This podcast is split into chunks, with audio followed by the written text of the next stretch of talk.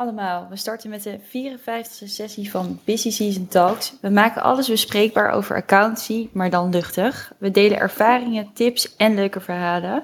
We blikken terug en kijken vooruit met studenten, accountants, bestuurders, toezichthouders en iedereen met interesse. En vandaag mag ik de show hosten samen met Leo.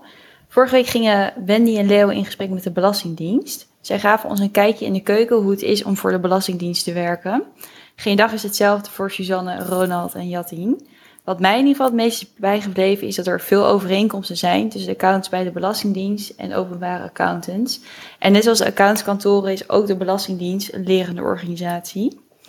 Nou, wat gaan we vandaag doen? Vandaag zetten we weer een actualiteitensessie gepland, waarbij we het gaan hebben over actualiteiten zoals de Europese wet en regelgeving omtrent duurzaamheid, de relevantie van thuiswerken en het optreden van accountant tijdens de algemene vergadering van aandeelhouders. Halverwege de sessie ga, zullen we hem openzetten, maar je kan nog gerust je vragen stellen in de chat.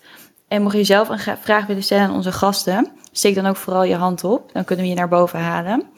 Nou, uiteraard zal Alex een muzikale bijdrage verzorgen, maar Leo, zou jij eerst onze gasten willen voorstellen? Zeker, Lotte, uh, wil ik dat. Uh, en om te starten, dit is een actualiteitensessie vandaag. Wil ik ook starten met het verwelkomen van uh, Mark Sveppen, coördinator media bij de NBA, hoofddirecteur van Accountant.nl. En ik mag toch wel zeggen, onze nieuwsanker van de Busy Season Talks. Dus Mark, welkom. Dankjewel, dankjewel. We hebben Ralf Terhoeven uh, vanavond, partner met Deloitte en professor Financial Accounting aan de Rijksuniversiteit van Groningen. Ralf, ook van harte welkom. Ja, dankjewel. En we hebben Gijsbert Bruines, senior manager bij BDO en lid van de werkgroep Soft Controls en uh, lid van ook de andere werkgroep ESG uh, eh, binnen BDO, voor zodat ik dat goed heb begrepen. Gijsbert, ook van harte welkom. Jazeker, dankjewel Leo. Uh, en Alex, ik ben benieuwd welk nummer jij voor vanavond hebt uitgezocht. Dankjewel. Dus floor is yours. Dankjewel. It's always tease, tease, tease, tease, tease. You're happy when I'm on my knees. One day it's fine and next it's black. Oh, come on and let me know. Oh, come on and let me know. Should I stay or should I go? Should I stay or should I go now? Should I stay or should I go now? If I go, there will be trouble. And if I stay, I will be double. So come on and let me know. Should I stay or should I go?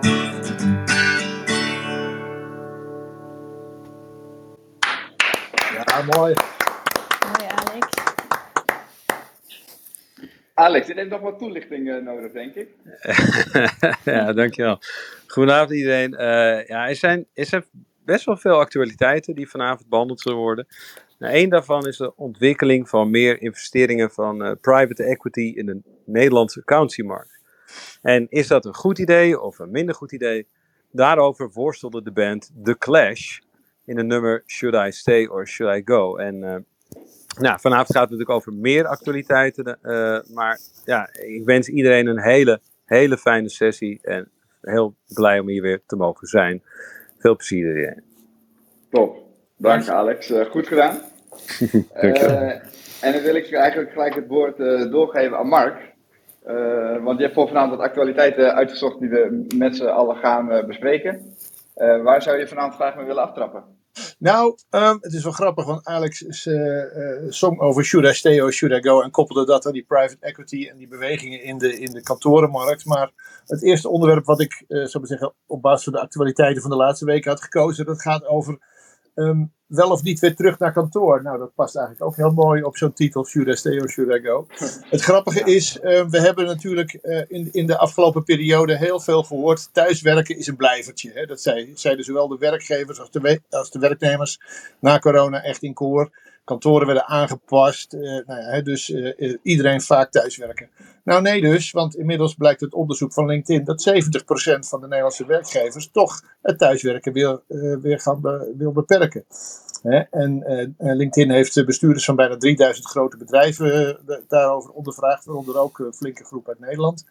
Ja, um, beetje een dilemma, want werknemers vinden thuiswerken nog steeds belangrijk. En werkzoekenden, die natuurlijk ook op LinkedIn zitten, die, die vinden dat ook belangrijk. En daarom durven werkgevers nog niet echt hardop te zeggen dat ze mensen graag terug naar kantoor willen halen. Maar ze klagen wel bijvoorbeeld over gebrek aan sociaal contact, over onvoldoende zicht op waar mensen mee bezig zijn. En ook over minder betrokkenheid van mensen bij de organisatie. Nou ja, dat zijn allemaal wel factoren die, waar je iets bij kunt voorstellen. Dus ik ben toch heel benieuwd waar dat dan de komende tijd heen zal gaan. Nou, dat is misschien een mooi punt om uh, de discussie af te trappen. Zeker, zeker. Gijsbert, mag ik jou eens uh, vragen hoe jij nou ja, in ieder geval daarmee omgaat ook binnen je team?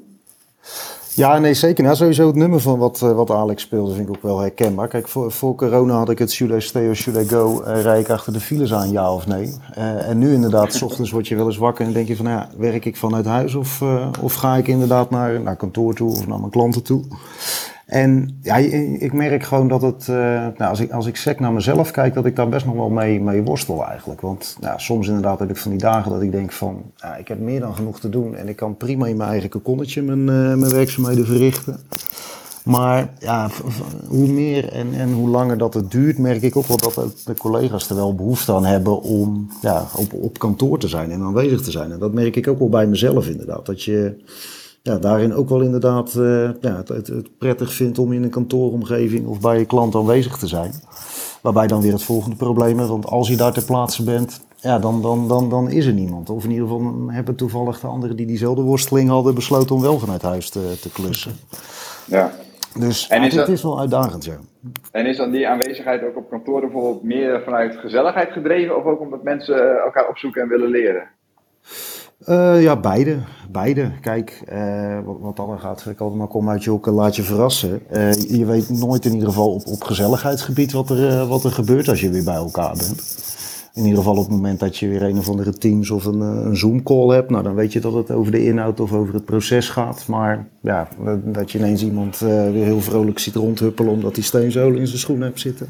Ja, dat mis je dan zeg maar op het moment dat je alleen maar in het team zit. Dus ja. Dus de, de betrokkenheid bij, ook bij de collega's, zeg maar, ook uh, vanuit jouw rol, dat maakt het wel makkelijker als je elkaar meer op kantoor gaat opzoeken. Ja, ja vind, ik wel. Kijk, ik, ik vind het vanuit mijn, mijn rol inderdaad, vind ik het ook gewoon fijner om mensen de hele dag te zien. Want ja, wat ik net zeg, als je, als je in zo'n Teams of in zo'n Zoom-sessie zit, ja, een half uurtje kan je nog wel acteren dat het, dat het goed met je gaat of, of, of nou, dat je neutraal in de wedstrijd zit.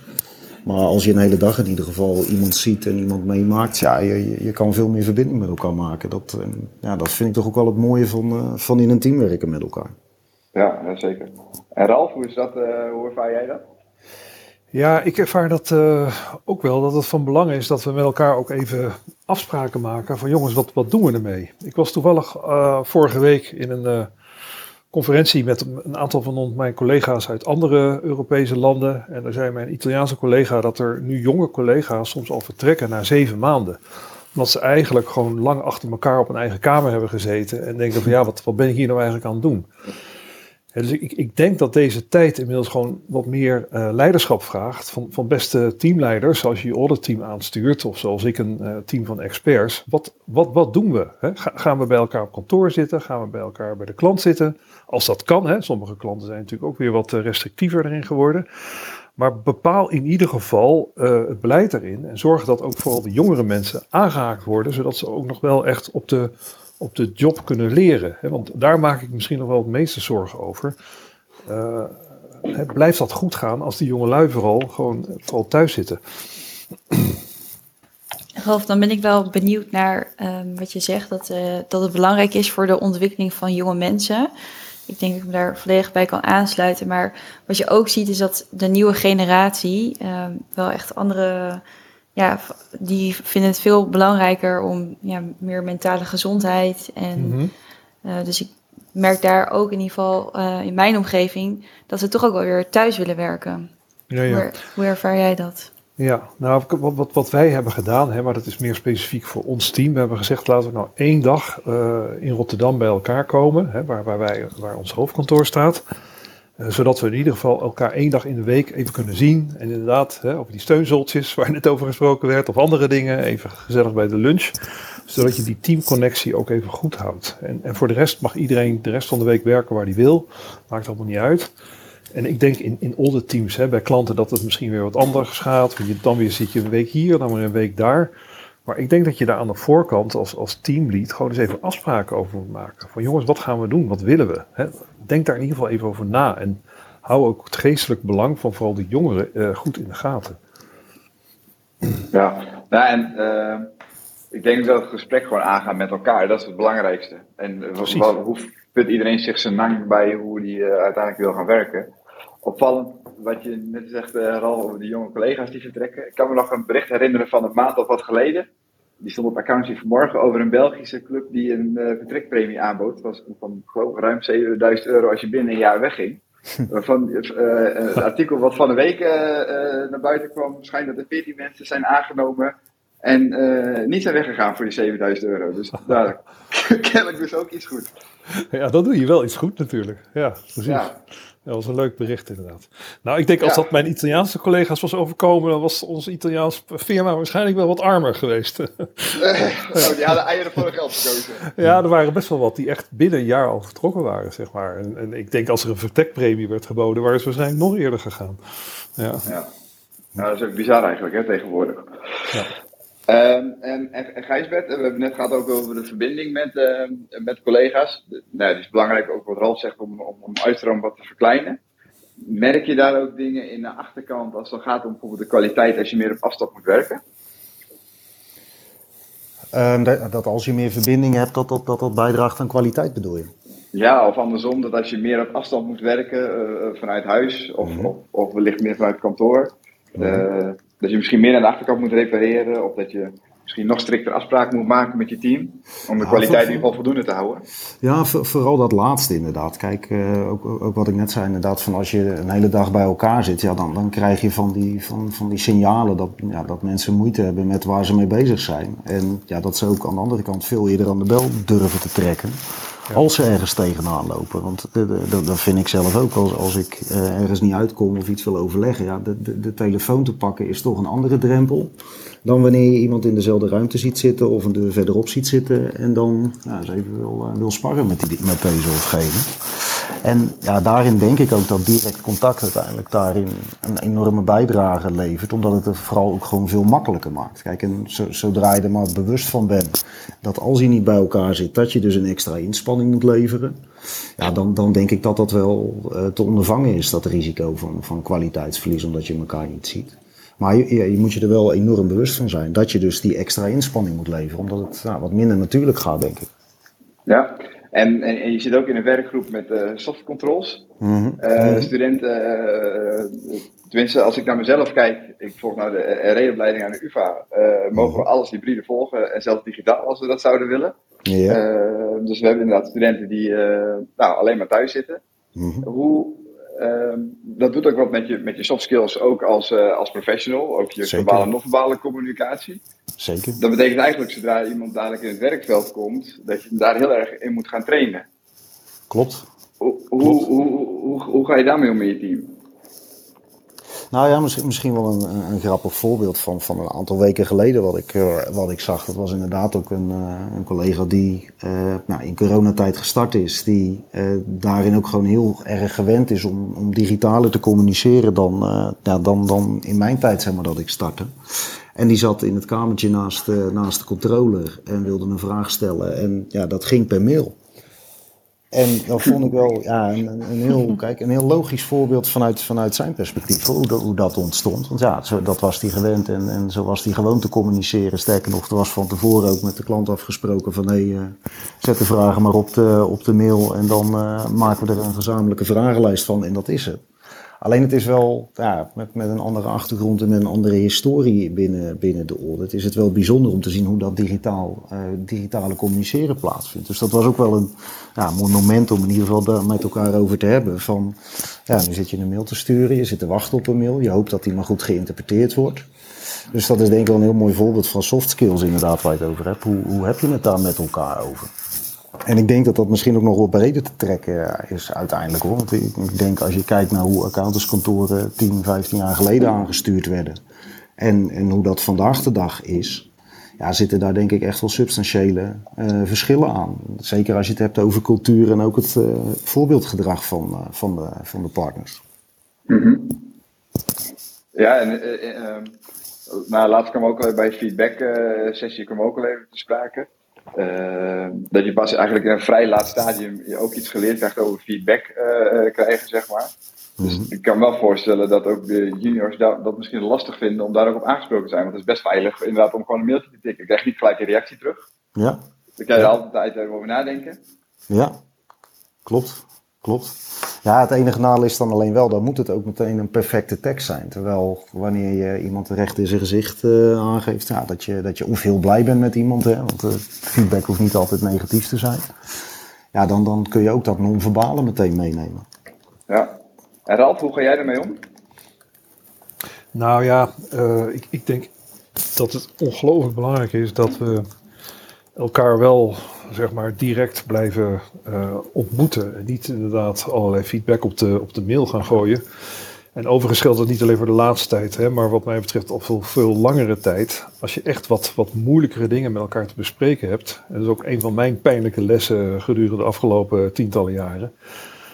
Doe dat alsjeblieft fysiek of doe dat alsjeblieft. Hè. Per telefoon is dan nog wel beter, hè, maar in ieder geval niet per mail. Want het wordt altijd weer anders hè, eh, zeg maar gelezen en, en benaderd dan jij denkt. En uh, ik denk ook wat dat betreft, hè, dat zie ik ook in de audit soms, dat ja, er zijn een partner die, die, die, eh, die, paar dagen van tevoren nog met 300 comments komen. En dat, dat geeft natuurlijk gewoon voor de jongere generatie een enorme dreun. Hè? Dus, dus we moeten echt oppassen dat we met elkaar in contact blijven. En dat sluit ook aan met wat waar we het net over hadden. Hè? Dat, dat bevordert je ook door dicht bij elkaar te zitten af en toe. Ja, tijdens de voorbespreking die Leo en ik hadden, um, zaten we ook nog met een statement zo van, ja, het zijn niet eigenlijk alleen maar de junioren die uh, soft skills moeten ontwikkelen, maar soms ook de, ook de senioren. Absoluut, volledig mee eens. Zeker. Ja. Ja, ik denk dat we nog lang door kunnen gaan over dit onderwerp, maar we hebben een hoop te bespreken. Uh, Mark, ik wil, uh, wil, jou vragen om het volgende onderwerp in te leiden. Of misschien heb jij nog iets, uh, wil je nog iets bijdragen over de, over de ontwikkeling van de soft skills? Nou ja, ik vind um, een aspect wat ik, wat ik toch wel belangrijk vind in dit geheel, we gaan zo naar het volgende onderwerp, maar is het gevoel dat je bij een organisatie hoort, zeg maar. Hè? Nog los van de specifieke skills en, de, en het gemak van communiceren als je dat uh, fysiek bij elkaar kunt doen, zeg maar. Maar ook het gevoel ben ik nog, heb ik nog binding met een organisatie. We hebben natuurlijk net gezegd van hè, mensen die na zeven maanden weer weggaan omdat ze geen enkele binding met een organisatie hebben. Um, en dat, dat vind ik wel een zorgpunt. Ik bedoel, je hoeft heus niet uh, tot in het diepst van je haarvaten een, een KPMG'er, een Deloitte'er of een EY'er of een PwC'er of wat dan ook te zijn dat, dat, dat, dat was vroeger, denk ik, veel nadrukkelijker. Iets waar, waar, je, waar mensen op los gingen. Maar een enig, enig gevoel van: ik hoor bij deze organisatie en ik, ik, ik, ehm, ik voel me er ook thuis. Dat, ja, ik, ik zou het zo jammer vinden als je heel langdurig dat persoonlijke contact gaat missen. Dat je daar een, toch een, een ander soort sociale relaties van krijgt. Zeg maar. Dat het toch, dat toch, toch moeilijker is om om ze, echt je draai te vinden als, als, uh, onderdeel van een organisatie. Maar goed, dat is, dat is mijn gevoel. Um, ik pak meteen het volgende onderwerp. en dat gaat over duurzaamheid. Nou, um, we zullen het maar niet te veel over de klimaattop in Egypte hebben, want volgens mij was dat een, een, een eh, dure, maar weinig succesvolle exercitie. maar wel belangrijk voor ons vak, denk ik. Eh, is dat uh, het feit dat op 10 november het Europese parlement heeft ingestemd met de duurzaamheidsrichtlijn, de CSRD. Um, en die richtlijn die verplicht grote ondernemingen om meer te gaan vertellen over de impact van hun activiteiten op mens en milieu. Uh, en de invoering daarvan gaat in fase, hè, van groot naar iets kleiner. Maar de eerste stap is wel gezet en dat betekent dat er toch haast gemaakt moet worden, want er moeten ook nog de bijbehorende standaarden voor verslaggeving uh, uh, komen. En ja, om er handen en voet aan te geven is er nog echt wat nodige werk nodig. Nou, precies ook op die 10 november uh, kwam de AFM met een, met een rapport waaruit bleek dat financiële instellingen nog te vaag zijn over hun inspanningen op het gebied van duurzaamheid. Um, en uh, G, de GRI Initiative kwam ook nog met een, met een rapport uh, waarin ze waarschuwden voor greenwashing. Dus volgens mij is er ook als het gaat om duurzaamheid genoeg te doen voor accounts in ieder geval.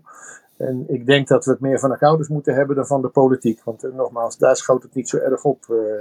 dat is die grote dure top, zeg maar. Nee, ja, mooi. Ja, de, de ESRS, uh, in ieder geval de drafts zijn gepubliceerd uh, inmiddels. En ja, voor mij voelt het echt alsof er een nieuwe era aan het uh, aanbreken is in de accountancy. En daarmee ja, moet er nog ook inderdaad, zoals je zei, Mark, een hoop werk verricht worden. Maar ook zeker voor klanten. Ralf, um, hoe zie jij dat voor je? Hoe, hoe gaan wij de klanten daar ook op voorbereiden? Ja, en uh, hoe gaan de klanten zichzelf voorbereiden? uh, absoluut waar. Uh, en je hebt helemaal gelijk hoor met die nieuwe era. Want ik voel, ik voel dezelfde vibe eigenlijk, als ik het zo mag zeggen, als destijds aan het begin van deze eeuw. Toen voor de wat jongere generatie misschien die luistert. Um, in 2000 werd aangekondigd dat IFRS verplicht werd hè, in Europa voor alle beursgenoteerde ondernemingen. Destijds iets van 7000. Hè, en toen merkte je ook van verrek jongens, oh wat een opgave. Al die, al die ondernemingen die over moeten naar een ander, ander platform, hè, die, die dikke bundels. Accountants die moeten worden getraind. We hebben geloof ik die hele audit function hebben we er door de mangel gehaald. Um, hè, en er ontstond eigenlijk hetzelfde. En ik zie nu precies hetzelfde weer met, uh, met ESG. En ik denk eerlijk gezegd dat het een uh, gedeelde verantwoordelijkheid is. Hè? Want eerst moeten de klanten, die moeten zichzelf natuurlijk ook goed voorbereiden. Van, van hè, waar, val ik in? Wat, is voor mij van belang? Wat gaat er veranderen? Daar kunnen we ze natuurlijk bij helpen. Hè? Daar zijn we natuurlijk al erg goed in als accountantskantoren met prachtige dingen. Maar dat ligt ook bij hun. Maar bij ons ligt ook de taak van jongens, kunnen wij het aan qua assurance geven? Hè? Want er komt nogal wat op ons af. Uh, en dat is denk ik de grootste uitdaging uh, voor ons. Kijk, een bedrijf kan zeggen, we hebben een aantal belangrijke KPI's, hè, dus daar gaan we echt wel ons op richten.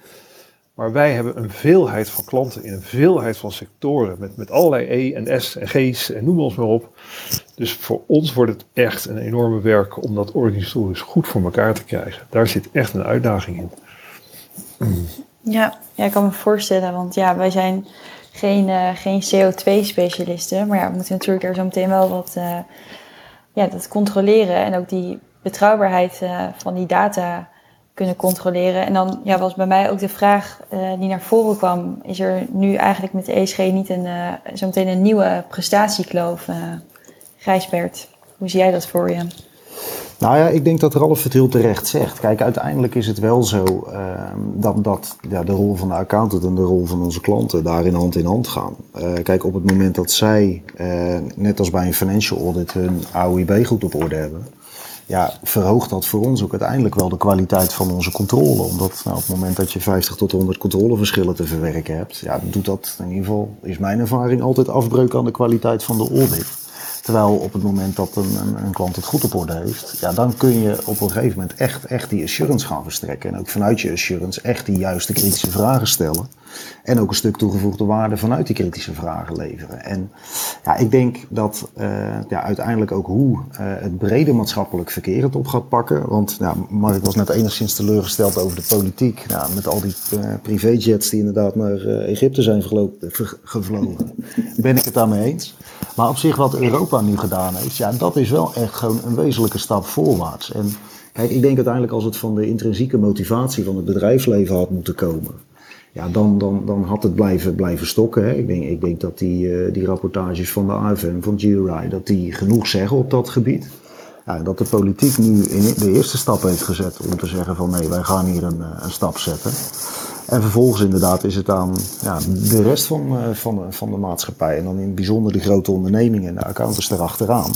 Ja, en het staat of valt uiteindelijk met de inspanningen die gezamenlijk geleverd worden. Of dat die prestatiekloof er komt, ja of nee. Ja, ja je hebt het over, uh, inderdaad over de Europese Unie. Um, maar Ralf, ja, correct me if I'm wrong, maar ik zag uh, een artikel van jou voorbij komen op accountant.nl in uh, 2021, waar je ook aanschrijft uh, van ja, het zou een goede zaak zijn als we snelheid maken met het publiceren van een richtlijn voor duurzaamheidsverslaggeving. en ook bij de, de rol van de Europese Unie hierbij aanhaalde. Ja, nu anderhalf jaar later zijn ze er dan eindelijk. Um, ja, hoe kijk jij tegen, tegen deze snelheid aan? Ja, is het, Gaat het snel genoeg? Is het snel genoeg, inderdaad?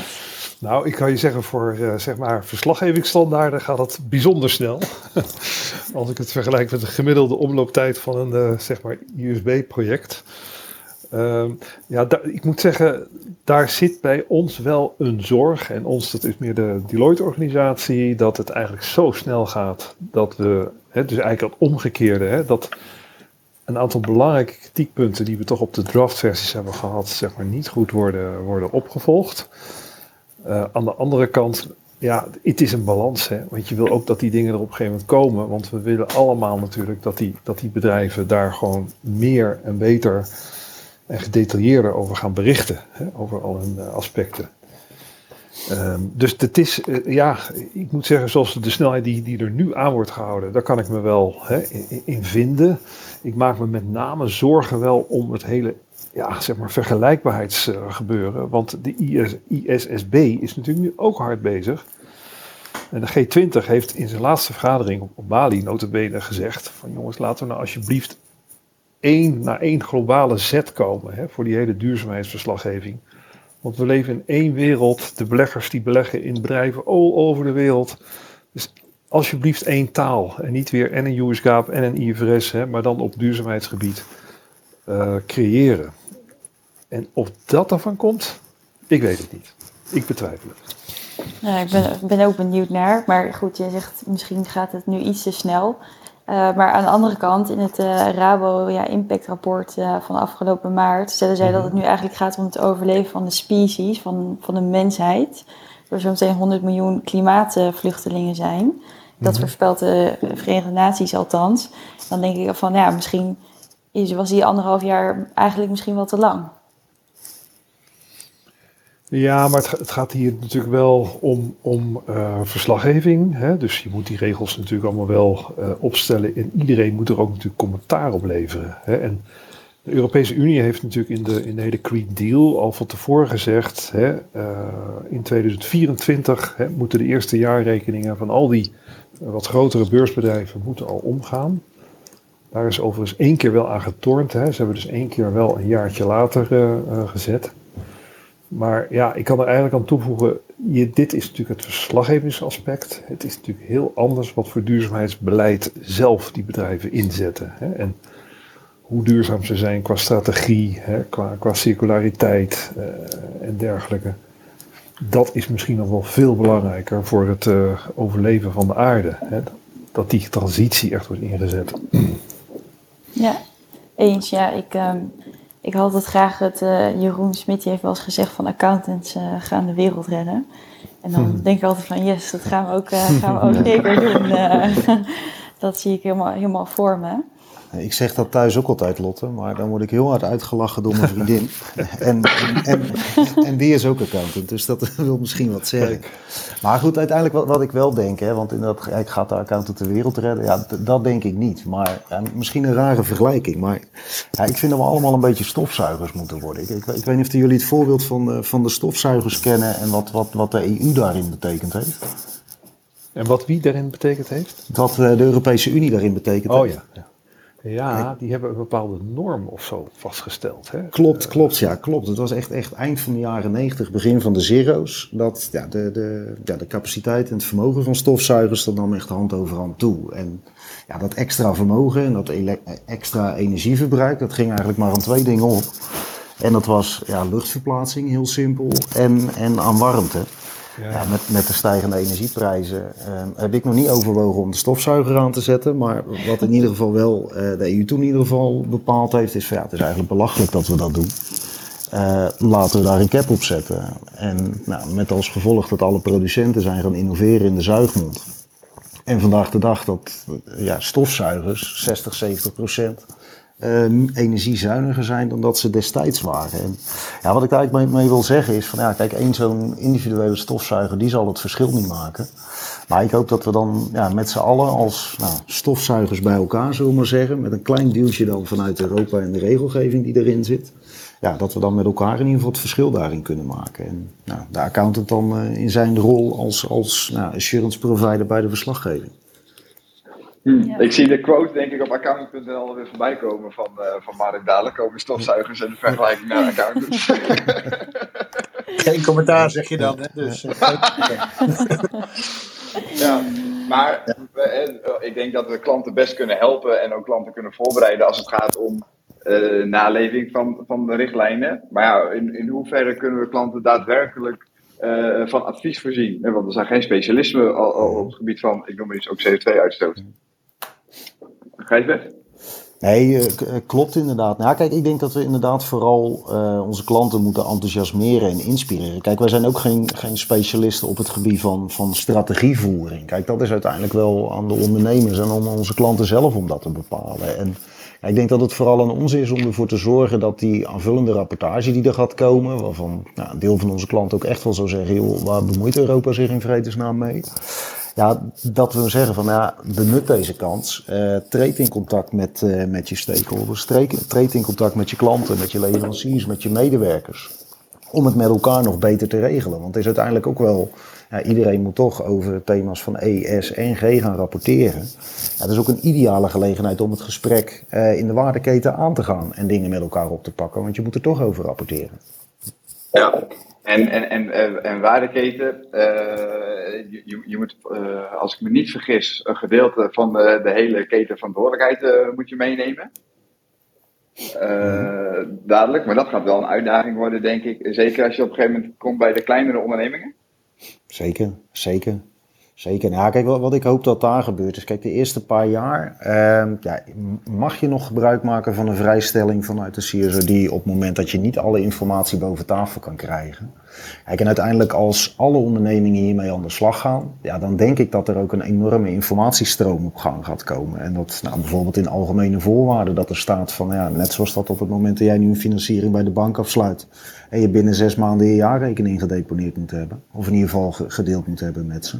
Ja, dat ze nu zeggen, je moet je duurzaamheidsinformatie uh, met ons delen.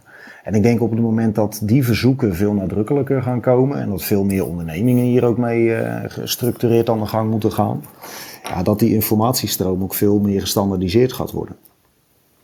Ja, dus is een grote, ook grote informatiebehoefte. Maar we hebben het net over die uh, CO2-specialist. Maar ik ben ook benieuwd of eigenlijk ja, deze dit nu gaat zorgen voor een nieuwe organisatiestructuur, gaan we zo meteen in ons team uh, naast zeg maar, de IT-auditors ook uh, circulaire economen toevoegen, Ralf? Ja, zeker. Uh, op het moment dat je natuurlijk assurance moet geven op die onderdelen die voor bepaalde bedrijven zeg maar, heel belangrijk zijn, en die dus ook voor de buitenwereld heel belangrijk zijn hè, om daarop te steunen. Hè. Denk bijvoorbeeld ook aan, aan, aan, aan financiering die die bedrijven vragen eh, dan, dan, kan het niet anders dan dat wij mensen hebben die specifieke kennis hebben hè, op, op, dat domein. Hè. Bijvoorbeeld, we hadden het net over die waardeketen. Um, maar het kan ook gaan over, uh, hè, over, over ja, inderdaad, uh, waterschaarste, effecten daarvan. Studies die misschien in landen zijn gedaan, hè, naar de effecten daarvan. Het kan op heel veel verschillende manieren. En we moeten op de een of andere manier zorgen dat we daar die kennis voor in huis hebben maar dat is denk ik ook iets wat wij, waar wij aan gewend zijn. Hè? Want ondertussen geven we ook uh, uh, assurance af op de betrouwbaarheid van het informatiesysteem. Dat nemen we ook even mee in de audit. Uh, we nemen ook mee in de audit berekeningen met tot 80 jaar voorspellingen die we doen in de pensioenverplichtingen onder IFRS. Daar hebben we ook weer actuarissen voor die we inschakelen. dus wij zijn wel gewend om te werken met verschillende specialisten. Ik denk dat de challenge meer is van van kunnen we eraan komen? Zijn er genoeg van? Hè, om uiteindelijk ook die, uh, die, die, die deugdelijke grondslag die we nog steeds moeten hebben, om die, uh, ja, om die voor elkaar te krijgen. Hè, dus ook hier is weer menskracht en menscapaciteit, denk ik, een, een, een uitdaging.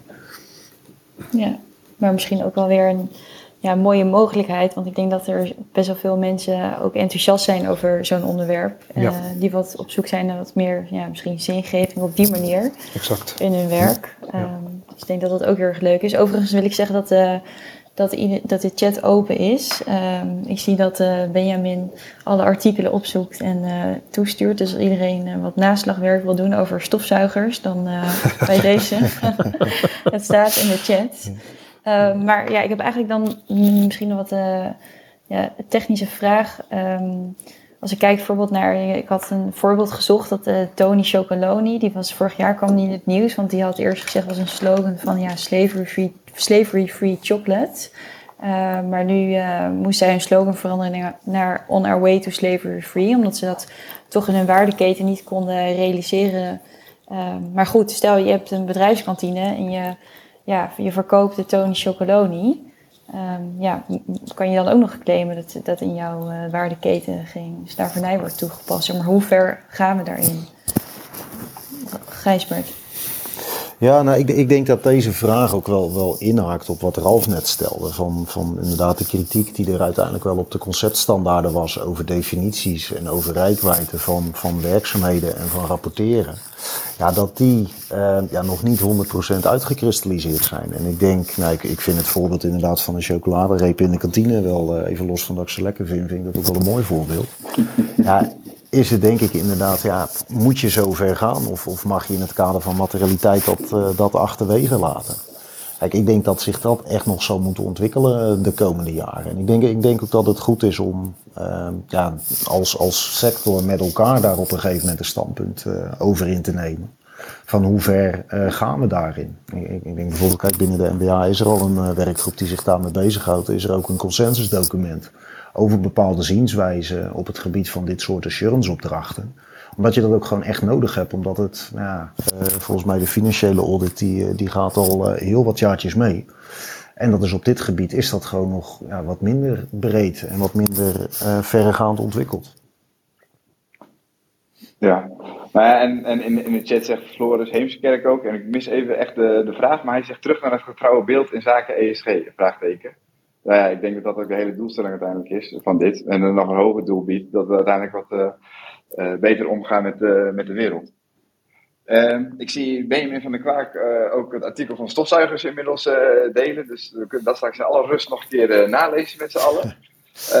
en Bart Jonker die merkt op dat het interessant is dat banken vragen om CSRD-informatie van klanten, terwijl ze zelf volgens de journalisten de grootste vervuilers zijn.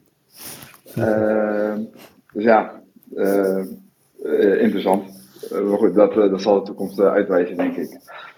Um, ik denk er genoeg over. Ik denk dat het bottom line is dat we blij zijn dat het is. En dat we straks ja, moeten gaan zien hoe, hoe, hoe, het gaat uitpakken. En hoe wij onszelf kunnen voorbereiden en klanten kunnen gaan, gaan voorbereiden. Mark, mag ik jou vragen om ehm, een volgend onderwerp aan te snijden? Zeker mag dat. Um... Oké, nou de, uh, dat gaat over de ontwikkelingen in de kantorenmarkt. Uh, we hebben natuurlijk al, al eerder het gehad over, over het besluit van EY om zich wereldwijd te gaan splitsen in twee aparte multidisciplinaire organisaties. Um, en het jongste nieuws daarover was dat er wat meer tijd nodig is om dat besluit te bekrachtigen wereldwijd. Het verdelen van geld en mensen is toch wat complexer dan gedacht. Maar goed, er gebeurt wel meer um, in de kantorenmarkt. En met name um, zijn we wat meer bij de middelgrote en, iets kleinere organisaties. Eerst zagen we dat Flint Acom AVM overnam. Nou, dat wel een voorgeschiedenis. Uh, vervolgens uh, hoorden we nog niet zo lang geleden dat de Jong en Laan een private equity partner heeft gekozen om te kunnen groeien. Waterland. En uh, jongste nieuws van de kantorenmarkt was dat Moore, MTH en Cruise Wevers willen fuseren. En ook pikant, de PIA Groep, een middelgroot kantoor in België, die is een joint venture aangegaan met Brouwers Accountants uit Zwolle. Nou, um, dat zijn allemaal toch wel boeiende ontwikkelingen. En je hoort veel discussie van mensen van nou, hier houdt het niet mee op. En vaak zijn de motieven die worden genoemd toch een beetje dezelfde. Hè? Toenemende wet en regelgeving, de complexere materie waarmee je te maken hebt. De digitalisering, de noodzaak daarvan, de krapte op, op de arbeidsmarkt. Hoe kunnen we uh, onze krachten bundelen om al dat soort uitdagingen te, tegemoet te treden, zeg maar. Nou, heel benieuwd. Misschien komt er nog meer aan. Uh, dat zal de tijd leren, maar het, het is niet de eerste fusiegolf zeg maar, die we in accountancy hebben gezien. Dus ik ben heel benieuwd wat de gasten daarvan vinden. Ja, mag ik hem gelijk doorspelen naar Ralf? Wauw, goeie vraag.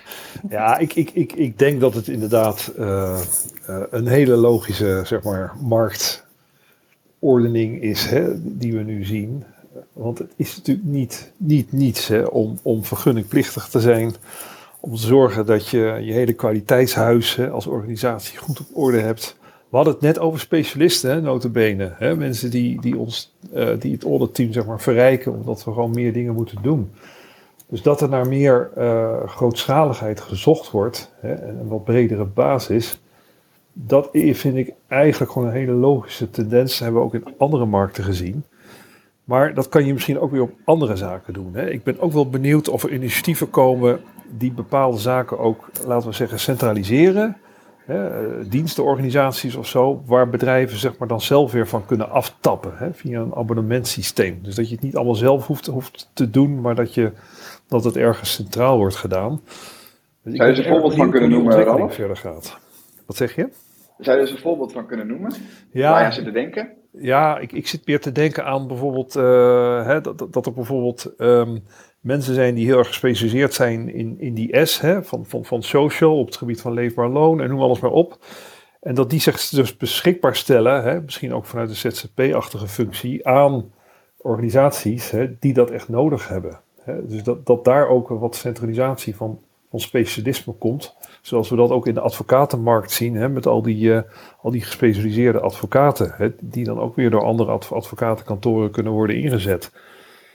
Dus ik ben benieuwd hoe die markt zich gaat ontwikkelen. Maar deze vergroting, hè, schaalvergroting, dat vind ik eigenlijk een logische ontwikkeling. Als ik zie wat, waar we allemaal met, met Deloitte mee bezig zijn.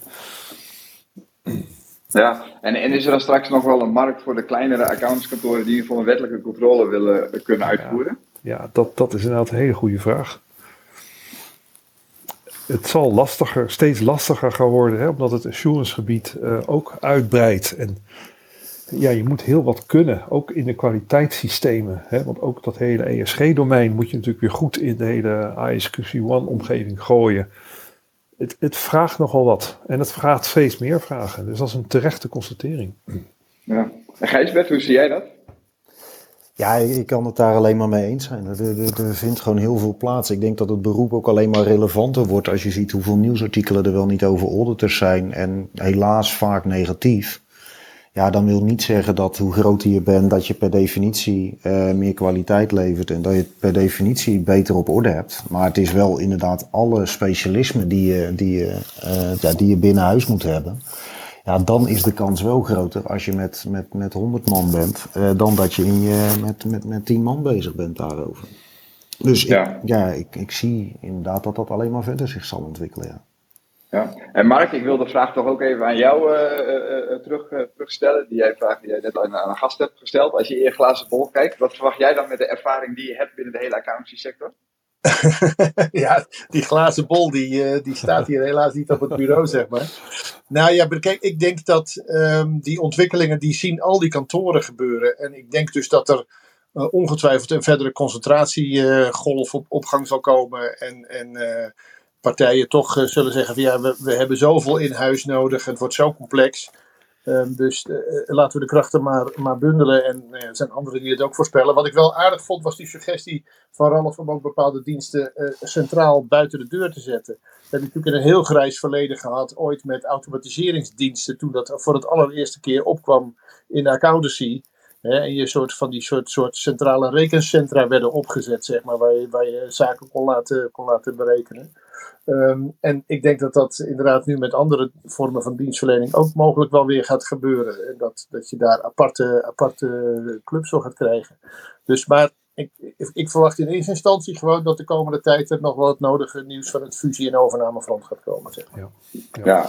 Ja, dat, dat, dat denk ik ook. En tegelijkertijd, de BIA-groep is uh, een middelgroot kantoor in België, als ik me niet vergis. Uh, de jonge Laan met, met, met Waterland uh, heeft ook een uh, bepaald belang in België. Ja. Moeten we ook voor onze Belgische collega's uiteindelijk vrezen, Ralf? de Belgen komen, ja. Ja, je, ik, ik, ik weet het niet hoor. Kijk, als we nou eventjes naar de markt gaan kijken, even naar de top 20, dan, dan denk ik niet dat we daar snel gaan verbelgen, zeg maar, om even zo te zeggen. Mm -hmm. um, maar ja, misschien dat er toch, toch ook andere partijen zijn die geïnteresseerd zijn inderdaad in, uh, in Nederlandse uh, kantoren. Ja, wie weet. Ja, maar, maar ik zal me daar zeker geen zorgen om maken. Nee. Ja, heel goed. Nou, ik, ben benieuwd waar, ik ben benieuwd het heen gaat. Als ik het zelf merk, ook al zit ik in het MKB wat, ons, uh, wat minder gebruikelijk is om, uh, om uh, echt buitenlands werk te laten doen. Maar je merkt echt wel dat, dat je met voorraadinventarisaties en dergelijke bijvoorbeeld makkelijker collega's in het buitenland even snel gaat vragen dan, dan dat we er zelf toch heen gaan rijden. Ook wel eens naar Antwerpen bijvoorbeeld. En dat, dat maakt het leven wel wat makkelijker. Ja, precies. Ja. Maar als we het hebben over, over die glazen bol van Mark, um, dan vraag ik me ook af van, ja, um, de private equity, die zullen dit ook niet zomaar doen. Ehm, en die hebben vaak ook een duidelijke exit-strategie. en maar wat is de verwachting daarvan qua de toekomst, de, de exit-strategie van equity, van private equity? Mark. Ja, Mark is opnieuw. Misschien Ralf? Ja, ik, je hebt gelijk hoor, want private equity is natuurlijk vaak gericht op, uh, op, een goede exit. Hè. Ze zien daar vaak dan ook wel goede kansen. Misschien dat, uh, ik, ik weet natuurlijk niks van die hele deal af, maar misschien dat ze toch denken dat door die, die groeiende markt, de groeiende behoefte, de mogelijke, hè, zeg maar, gunstige uh, zeg maar, richting van, de, van onze prijzen, van onze tarieven, dat de winstgevendheid omhoog kan gaan en dat ze dan na verloop van tijd weer een mooie exit kunnen doen. Um, het feit dat private equity dit heeft gedaan, wil wel zeggen dat ze daar dus kennelijk wat in zien in die markt en in die ontwikkeling. Ja, uh, ja nou ja, kennelijk. Maar de, uh, de private equity is ook een klein beetje bekend, denk ik, om uh, snel groeien, geld verdienen en dan toch ook weer verkopen. En de audit is toch ook redelijk compliance gedreven. ja, dat, dat, dat is wel een interessant spanningsveld, denk ik. Ja, maar dat begrijp ik hoor. Maar dit gaat natuurlijk meer om de eigendomsverhoudingen. Maar ik begrijp inderdaad heel goed wat je zegt. Dat, dat het kan zijn dat door zo'n eigenaar hè, je, je, onder druk wordt gezet om, om, zo, om die audit zo winstgevend mogelijk te maken. Dat zou inderdaad ook een, ja, een factor kunnen zijn. Hè? Misschien ook wel een bedreiging kunnen zijn, zeg maar.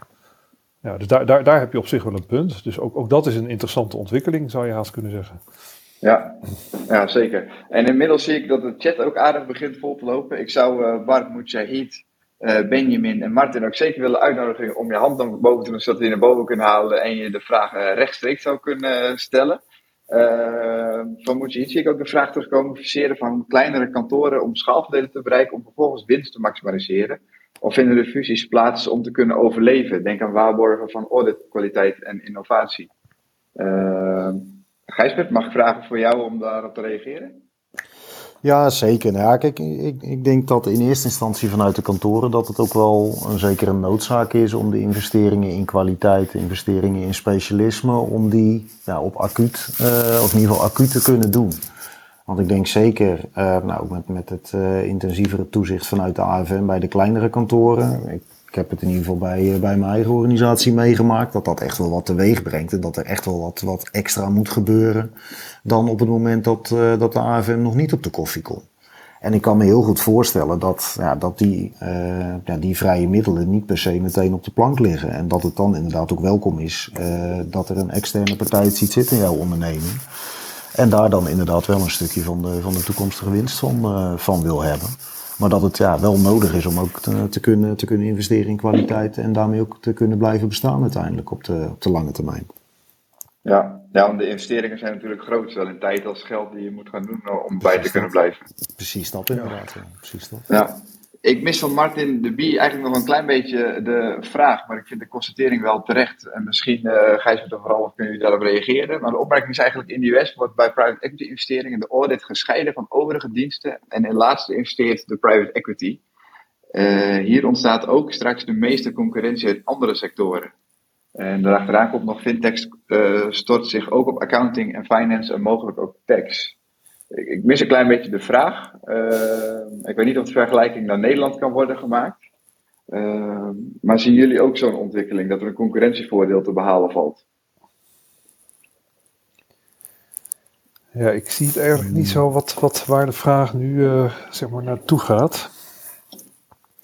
Dat vind ik lastig te beantwoorden.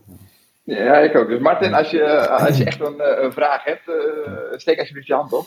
Ja, ik, ik, denk sowieso misschien wel dat de US-markt wel echt anders in elkaar zit dan de Nederlandse markt. Hoor. Het is daar, uh, de controleplicht is heel anders geregeld. Op het moment dat je dan eenmaal controleplichtig ben, bent, ja, dan, dan, dan word je echt helemaal van linksboven tot rechtsonder uh, binnenste buiten gekeerd. En in Nederland uiteraard uh, controleren we ook diepgaand, maar is de controleplicht veel breder. En daardoor denk ik ook wel dat de compliance gedachte en, en, en het hele apparaat wat erachter zit met, met, met toezichthouders, maar ook met, uh, met interne kwaliteitssystemen, ja, dat het daardoor wel moeilijker is voor private equity om, om een hele duidelijke vinger in de pap te krijgen. Maar ja. Ja, we hebben natuurlijk vanuit onze wet, hè, onze Nederlandse wet, WTA, BTA, hebben we natuurlijk ook nadrukkelijke governance eisen die aan een vergunningplichtige hè, uh, accountantsorganisatie wordt gesteld. Er moet gewoon een managementteam zitten die, die bestaande uit RA's, die echt zich richt op die vergunningplichtige entiteit. En natuurlijk kunnen er allemaal andere entiteiten onder het huis vallen, maar dat, daar moet het kwaliteitssysteem in zitten. En daar kan private equity kan hoog springen of laag springen, maar, maar daar, zit de, daar, daar, daar, daar zit de beslissende macht, zou je haast kunnen zeggen. Vooral als het gaat om, uh, om kwaliteit en kwaliteitsborging. En dat is denk ik een beetje onze, onze klep. Kijk, ik denk wat, wat ik eigenlijk meer wilde zeggen, is dat private equity, daar staat natuurlijk wel een marktanalyse aan, altijd aan vooraf. Hè. Die gaan niet zomaar een winkeldochter kopen als ze daar niet, uh, niet, geen toekomst in zien. Dus, dus dat is wel een teken aan de wand dat ze toch hè, de dynamiek zien en misschien toch ook wel de, mm de waardegroei hè, die, die eraan zit te komen, die ze, die ze in, inschatten. Ja, ja zeker.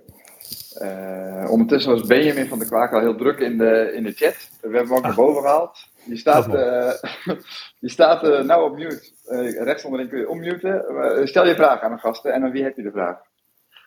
goeiedag. ja, ik ben blij dat ik hier mag staan. Ehm, ten eerste wilde ik heel even reageren op het gedeelte op de statement van Martin. Want volgens mij wat hij bedoelde is dus dat er wordt geïnvesteerd in een audit firm met overige diensten. En vervolgens wordt het gesplit en investeren ze eigenlijk voornamelijk in die overige diensten. Ja, ja. Uh, wat je ook zag bij uh, Unilever en Kraft Heinz, die samen met private equity dus Unilever probeerde over te kopen, alle groene initiatieven schrappen, waardoor de winst omhoog gaat en daardoor is, daar gaan de aandeelwaardes ook omhoog. Dus ik vind dat wel spannend, private equity. Um, mm -hmm. Maar de vraag die ik dan vervolgens wil stellen, Uh, ik, ik, weet niet aan wie ik hem het juist uh, best kan stellen, Gijsbert of Ralf.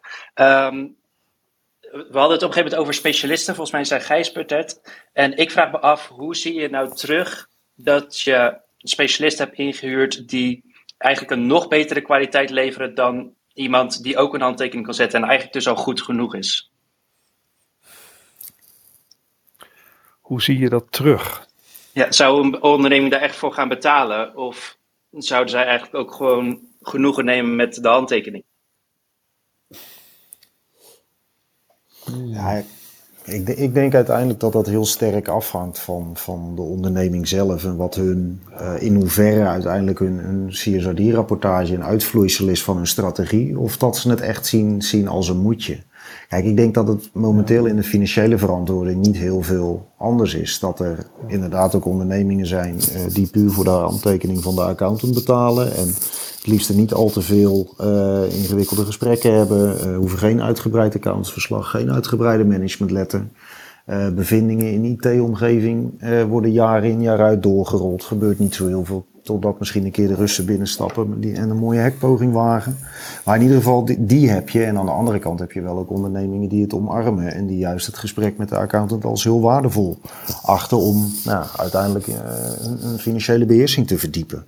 En ook over andere thema's daarmee uh, mee te spreken. Dus ja, kijk, is, zal daar een tipping point zijn? Dat weet ik niet. Maar ik denk dat er ja, partijen zijn die inderdaad uh, niet extra gaan betalen. Maar dat er ook partijen zijn die daar uh, wel voor uh, willen betalen. En, en ook heel graag extra willen betalen.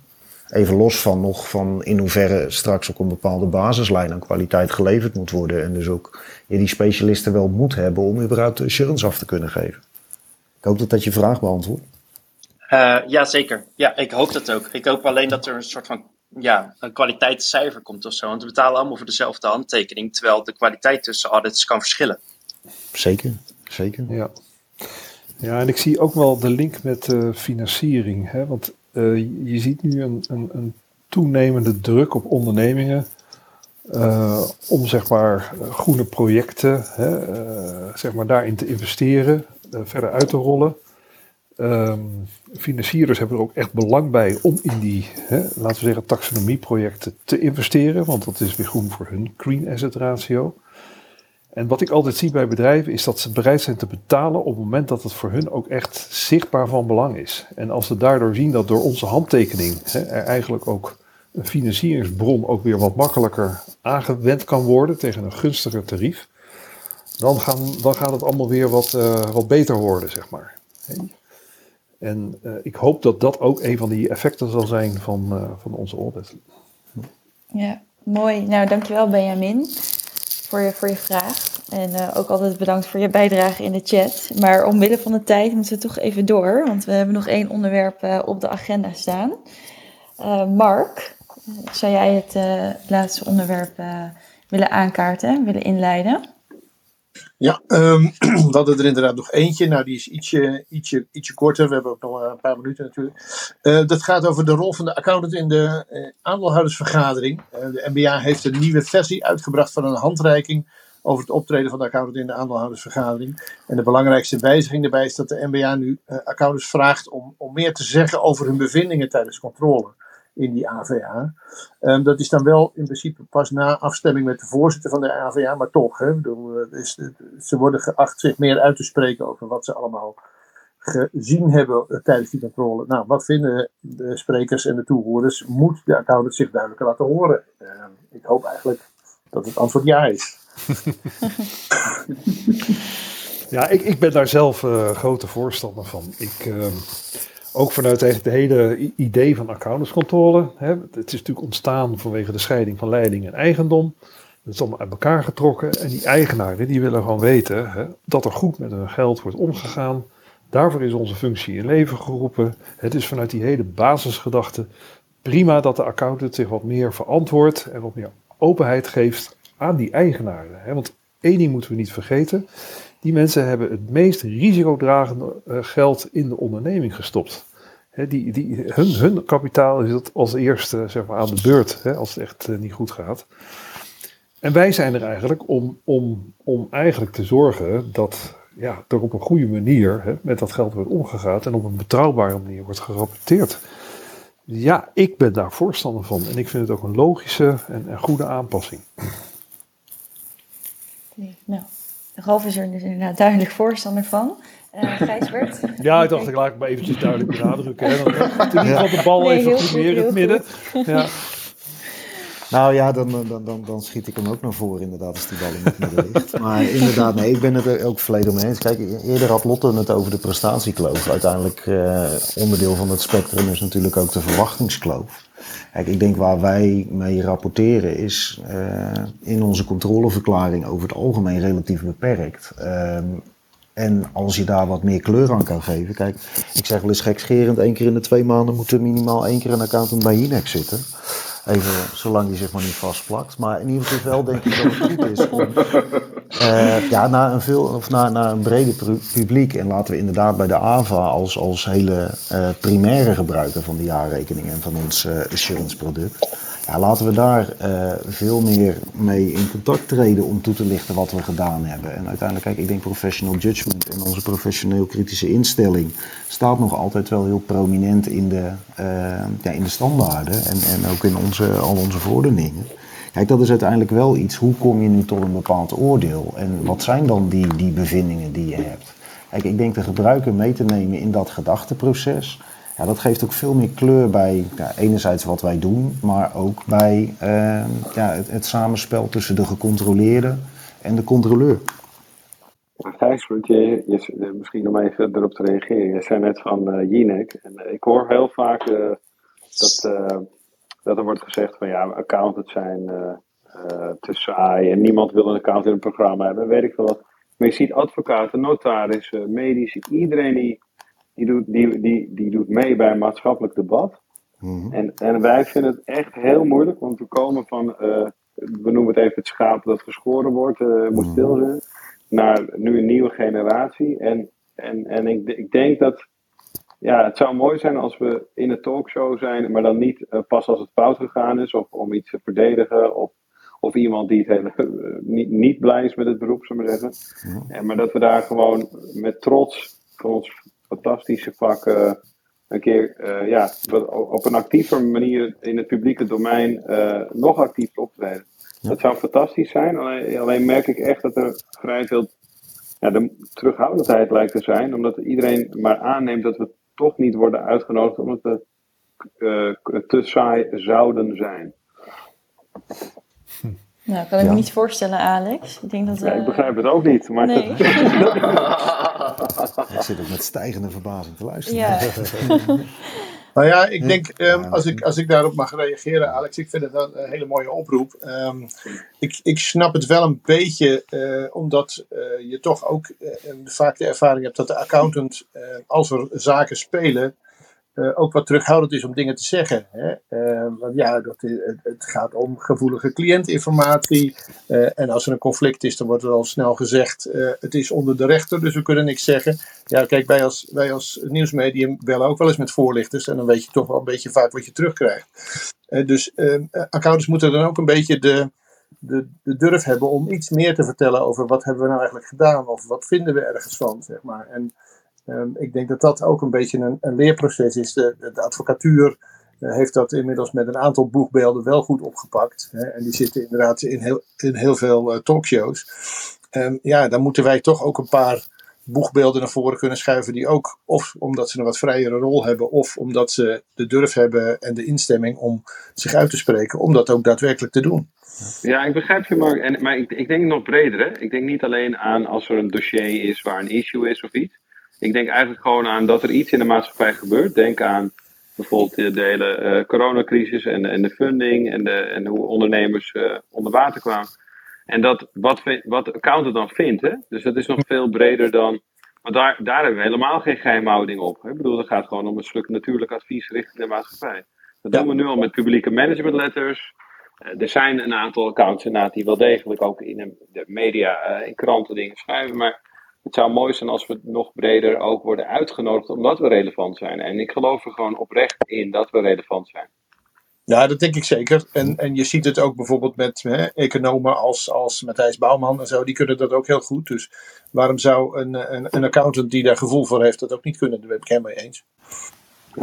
Nee, goede oproep eh, om een keer aan te schrijven bij, eh bij Jinek, Alex, Gijsbert en Ralf. nou, als we gaan, dan gaan we met het hele BST-team.